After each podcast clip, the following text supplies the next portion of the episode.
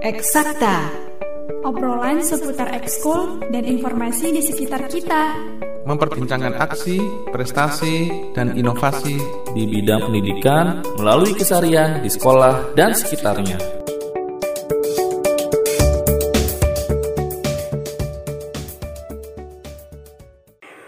Nah, sahabat edukasi, ini adalah narasumber kita berikutnya ya. Beliau juga saat ini bertugas di SMPN 17 Surabaya. Langsung saja kita sapa beliau. Assalamualaikum warahmatullahi wabarakatuh. Waalaikumsalam warahmatullahi wabarakatuh. Iya, silakan memperkenalkan diri, Bu. Assalamualaikum warahmatullahi wabarakatuh. Salam sejahtera untuk kita semuanya. Selamat siang, sahabat edukasi. Bersama saya narasumber Ibu Masula SPD dari SMP Negeri 17 Surabaya. Iya. Saat ini Ibu ya. juga menjabat sebagai sebagai uh, waka kurikulum Ibu Wakak kurikulum ya. Baik.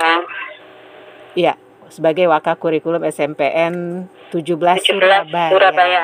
Ya. Ini adalah SMP Perintis Pembelajaran Daring yang khas ya Bu ya untuk wilayah Surabaya ya Bu. Iya, bisa dikatakan seperti itu. Iya, ingin tahu kami Bu, bagaimana ini Bu penerapan kurikulum di sekolah ini? Iya, untuk penerapan kurikulum di SMP Negeri 17, kita menerapkan kurikulum 2013, akan tetapi setelah keluar surat edaran Menteri Pendidikan dan Kebudayaan nomor 4 tahun 2020 mengenai pedoman pembelajaran di masa pandemi tertanggal 7 Agustus 2020 kami SMP Negeri 17 segera menyesuaikannya dan itu juga sebelumnya sebelum keluar edaran tersebut Dinas Pendidikan Kota Surabaya telah meluncurkan e-learning pada 16 Maret 2020 bersama-sama dengan nanti ya dengan rumah belajar kita punya ini apa namanya duta rumah belajar yaitu Bu Atiko MPD. Sejak peluncuran e-learning itu kita menggunakan Microsoft Rumah Belajar. SMP Negeri 17 melaksanakan pembelajaran langsung secara daring. Kita praktekkan dan di situ Bu Atiko sebagai duta rumah belajar itu punya andil yang besar Mbak Dani. Besar sekali andilnya. Kenapa? Saat itu selain dia apa namanya uh, melatih dengan workshop-workshop ya, ini guru-gurunya dilatih sama Bu Atiko, diperkenalkan dengan Microsoft Teams Kemudian sebelum itu uh, jauh-jauh hari sebelum ada pandemi kita nggak nyangka ini. Ini sebenarnya Bapak Kepala Sekolah itu mensupport Bu tempat kita di SMP 17 itu diselenggarakan ini bekerja sama dengan Dinas Pendidikan yaitu Flip Learning. Di situ di Flip Learning pembelajaran Flip Learning juga didukung dengan ini apa eh, konten-konten rumah belajar sehingga kita jauh-jauh hari itu guru-guru di SMP 17 yang SMP lain-lain belum memulai kita sudah memulai sudah punya duta seperti Bu Atiko itu sudah sangat membantu sekali dengan teman-teman yang yang 70 persen saya kira bisa IT sisa-sisanya itu Bu Atiko memberikan banyak tambahan sekali mengenai pembelajaran daring.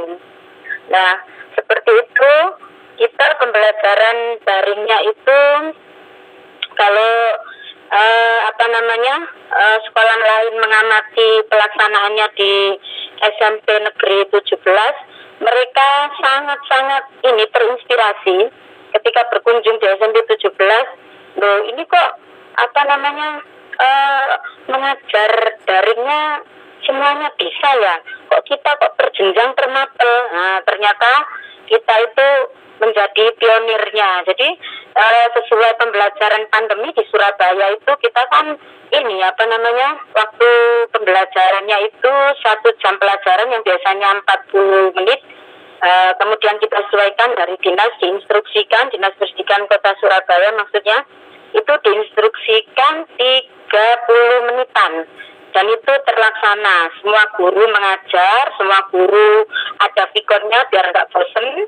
Uh, kemudian ada ini uh, Microsoft Teams. Itu sangat-sangat membantu sekali ketika Bu Atiko meluncurkan itu yang lain-lain itu kayaknya kurang gimana gitu setelah melihat pembelajaran Teams-nya Bu Atiko melalui rumah belajar juga. Mereka akhirnya kepingin belajar. Salah satu di antaranya ya sekolahnya Bapak Ahmad Saroni itu Mbak yang di SMP 6 seperti itu Mbak. Iya, jadi memang tadi yang ditawarkan adalah kemudahannya ya Bu ya. Mungkin Ibu Iya betul. sempat Betul sekali mudah. Dari yang nggak bisa komputer sama sekali itu mereka karena mungkin rasa tanggung jawab ya mbak ya jadi merata semuanya bisa melaksanakan Microsoft Teams meskipun ya ya awalnya susah tapi lama-lama kita terbantukan. Semuanya serba komplit di situ. Mulai dari jurnal guru penugasan assignmentnya siswa kemudian Microsoft Forms-nya yang diajarkan buat ikut dari awal-awal itu sangat-sangat membantu sekali buat kita. Dan saya rasa kalau saya ya itu sangat efektif sekali mbak di situ mbak. Iya.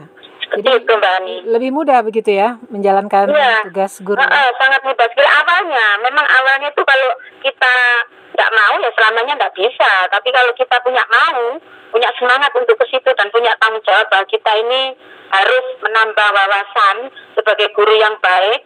Ya kita niatnya bagus, ya hasilnya juga bagus. Mbak akhirnya semuanya juga bisa di SMP Negeri 17 ini, Mbak. Alhamdulillah. Alhamdulillah ya. Respon siswa sendiri? Seperti itu, Mbak Ani. Iya. Bagaimana Bu respon siswanya? respon siswanya karena masuk Microsoft Teams itu enggak begitu susah ya dia meskipun tidak usah saya beri ini apa namanya link mereka itu sudah masuk ke Teams di situ sudah ada data dari dinas semuanya password apa itu ya langsung aja ketika nak tampil di Microsoft Teams itu gambar saya anak-anak langsung respon mudah sekali daripada yang lain-lain saya rasa seperti itu Bu Iya. Mbak. Kalau pemanfaatan rumah belajar sendiri, bagaimana responnya Bu? untuk gimana gimana Mbak Ya, untuk pemanfaatan rumah belajar sebagai salah satu portal. pemanfaatan eh ya pemanfaatan rumah belajar ini ini juga sangat membantu sekali terutama konsultasi eh, dalam rangka ini eh, pengembangan program di SMP 17 eh, bisa dikaitkan dengan program unggulan PMA terutama bahasa Inggris bahasa Inggris itu di SMP Negeri 17 itu eh, ada banyak sekali kelebihannya. Di samping latar belakangnya duta rumah belajar kita Bu Atiko itu bahasa Inggris, di sini kepala sekolah menunjang dengan adanya eh, tempat khusus berbicara atau ber apa namanya istilahnya komunikasi dalam bahasa Inggris di taman.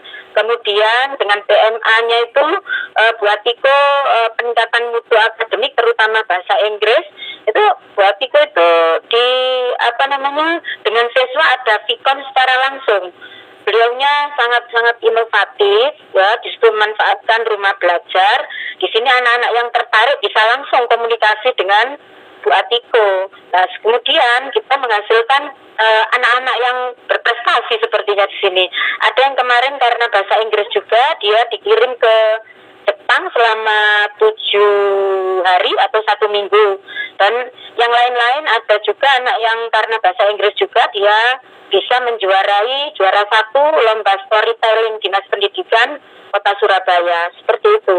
Ya berkat rumah belajar juga dengan Bu Atiku yang berperan di situ Iya, kita sangat membutuhkan guru-guru inovatif seperti ini ya Bu. iya iya iya sangat membutuhkan sekali kalau ada banyak malah lebih baik Iya, insya Allah nanti lahir terus ya Bu ya guru-guru inovatif. Iya, harus seperti itu. Iya. Harus untuk apa? Untuk ini supaya yang lain-lain juga termotivasi dengan adanya seperti itu.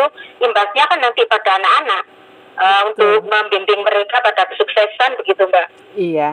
Tadi Bu Atiko juga sempat menyampaikan ini beberapa kendala mungkin yang dialami oleh sebagian kecil gitu dari siswa yang mungkin terbatas ya sarana Iya. prasarananya. Heeh, heeh, heeh, heeh. Sarana untuk ini maksudnya daring itu ya, Mbak ya? Iya betul. Eh, Tadi kan disiasati Iya. dengan orang tua. ah. Iya, dengan penugasan ya. Tadi disiasati dengan penugasan ya. Mungkin bisa dijelaskan lebih lanjut Bu. Iya, iya. Ini kita itu ketika harus dipaksa. Ini yang dipaksakan semua orang, Betul. semua orang, baik itu siswa ataukah itu guru ataukah itu orang tua, semuanya serba tidak siap. Tapi semuanya itu harus harus dilakukan. Uh, tetap pelajaran harus berlangsung. Di situ kendalanya, kendala daring yang paling berat itu adalah yang 1. Di kelas 1 kita kategorikan kategori 1 karena memang orang tua sama sekali tidak punya, pulsa tidak punya, terus kemudian kuota internet tidak punya, terus kemudian HP pun mereka tidak punya. Sama sekali tidak punya. Emang di 17 ini ada seperti itu. Tapi anu kok apa namanya? sedikit hanya dua anak. Dua anak saja dari kelas 9D. Kami menyiasatinya dengan komunikasi dengan orang tua. Ya semacam drive-thru, orang tua ngambil tugas setiap satu minggu sekali, kemudian diberikan ke anaknya untuk dikerjakan dan setelah itu seminggu depannya minggu depannya hasil pekerjaan itu diserahkan pada guru mata pelajaran yang bertugas untuk melaksanakan pembelajaran itu. Kemudian uh, guru memeriksa ngoreksi dan dikembalikan hasilnya. Untuk seminggu yang akan datang itu berikut memberikan uh, materi pembelajaran uh, untuk minggu yang berikutnya itu, Mbak. Jadi di situ dijemput bola sama orang tua. Orang tua ngambil modul, modul itu isinya ada uraian materi dan juga soal-soal. Satu minggu sekali diambil orang tua ke sekolah, kemudian diserahkan ke anaknya, setelah dikerjakan anaknya dikembalikan ke sekolah, minggu depannya dan sekolah memberikan tugas yang berikutnya untuk putra putrinya itu untuk yang kategori K1 sehingga walaupun mereka tidak bisa mengikuti pembelajaran daring secara penuh tapi mereka bisa mengerjakan dengan baik mengikuti pelajaran dari sekolah dengan baik. Kemudian untuk e, kategori siswa yang dua kategori dua itu orang tuanya memiliki HP, tapi satu keluarga hanya satu. Uh, dan dia harus giliran dengan orang tuanya. Atau punya lebih dari satu, tapi HP yang satunya lagi dipakai sama saudaranya. Ini kita membuka kesempatan uh, seluas-luasnya buat mereka. Sampai malam pun, sampai jam 12, itu baru kami tutup pembelajarannya. Dan tugas-tugasnya itu kami share. Jadi mereka mendapatkan modulnya bukan e, secara paketan yang kita print terus diserahkan orang tua, orang tua yang ambil bukan seperti itu. Tetapi di sini kita nge-share melalui email orang tua atau melalui WhatsApp. Nah, di situ materi-materi modul yang uh, akan di apa dipelajari dan dikerjakan oleh siswa bisa kita share. Meskipun orang tua pulangnya malam, tapi kan di situ sudah ada share-sharean dari kita guru-guru mata pelajarannya. Jadi dia bisa ngerjakan dan hasilnya bisa difoto untuk diserahkan uh, ke guru-guru pengajarnya. Seperti itu, Mbak. Iya benar-benar. Mensiasatinya dan juga uh, ini apa namanya tidak ketinggalan menyaksikan tayangan TVRI mbak. Hmm. Seperti ya. itu. Iya. Beberapa uh tayangan dari TVRI tentunya juga itu adalah produk-produk dari Pusdatin ya Bu ya, pembelajaran. Iya, iya pastinya Mbak. Iya, yang bisa diakses juga ya. secara langsung melalui TV edukasi. Iya, betul seperti itu. Iya, jadi benar-benar ya sekarang ini keterlibatan orang tua itu benar-benar terasa ya Bu untuk pendidikan di anak-anak iya. kita semua ya. Semua, iya betul semua betul sibuk. sangat terasa. E, mereka juga harus juga ini mbak, terutama harus dengan adanya daring ini benar-benar mempelajari gaya belajar anaknya. Kalau mereka tidak bisa mempelajari gaya belajar anaknya, itu yang susah ya dua-duanya. Orang tua repot, anaknya ya repot seperti itu mbak.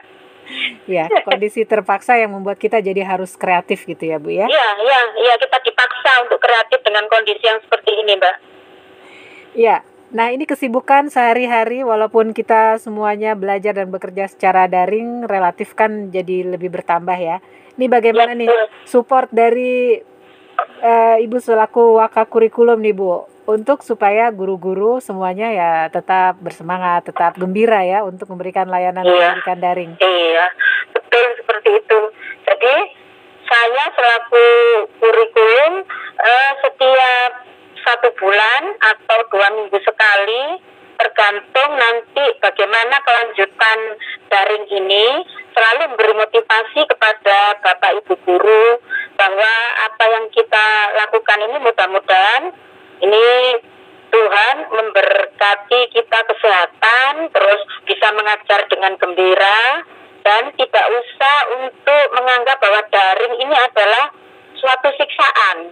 Karena di sini ada teman kita, teman kita yang bisa menjadi apa istilahnya di situ penggeraknya, yaitu Bu Atiko tadi. Bu Atiko juga setiap saat, setiap waktu juga membantu teman-teman kita. Apa di situ dia uh, kesulitan apa pun yang dihadapi oleh Bapak Ibu guru kita, ini ada Bu Atiko yang mengatasi. Jadi saya juga membesarkan hati Bapak Ibu guru bahwa apa yang kita lakukan ini kalau diridhoi sama Allah itu nanti menjadikan anak-anak yang sukses. Tidak harus semuanya yang kita lakukan itu dinilai dari uang, kita nilai dari ibadah saja. So, kita juga rezeki apa pun yang kita miliki itu kan kalau dibilang cukup ya cukup, kalau kurang ya kurang. Ya seperti itu. Jadi kita ikhlaskan saja dengan kondisi yang seperti ini, tetap bersemangat untuk mencerdaskan anak bangsa. Jadi mereka tidak ada kesulitan untuk pembelajaran daring Bapak Ibu guru ini. Begitu Mbak. Selalu standby ya Bu ya, ini call center iya. ya. Iya, harus seperti itu buat Iko ternyata. Baik, Alhamdulillah. Kalau pesan untuk siswanya Bu, juga orang tua? Iya, kalau pesan untuk siswa, saya harap anak-anak jangan tergantung kepada orang tuanya untuk mengerjakan semua pekerjaan dari eh, kalian semuanya itu untuk anak-anak dan untuk orang tua jangan terlalu khawatir karena kenapa kalau mereka itu terlalu khawatir akhirnya tugas-tugas yang diberikan oleh guru malah dikerjakan sama orang tua. Lah itu yang saya tidak suka bang nah jadi di situ orang tua itu meskipun anak-anak di rumah sudah seharusnya membuat apa istilahnya mengkondisikan siswanya agar tidak terus bermain tapi juga menjadwalkan mereka untuk belajar seperti biasa. Kalau di SMP 17 itu jadwal seperti sekolah biasa mbak. Jadi ya. jadwal seperti sekolah biasa anak-anak di share dengan jadwalnya sekolah mulai dari jam uh, setengah tujuh sampai dengan jam satu mbak. Jadi seperti itu. Sehingga mereka di situ harus siap. Ya siap ketika jam setengah tujuh itu pakai seragam lengkap ikon sebentar dengan guru-gurunya setelah itu guru-guru memberi tugas. Seperti itu harapan saya agar di situ anak-anak ya juga orang tua uh, kalau ada apa istilahnya konsultasi masalah daring dan sebagainya langsung saja ke sekolah ya kemudian dibicarakan dengan baik-baik komunikasi yang interaktif dengan bapak ibu guru dan di situ ya. Mohon maaf sahabat edukasi, komunikasi terputus. Kami akan coba menghubungi kembali Ibu Mas Ula ya. Waka Kurikulum SMPN 17 Surabaya.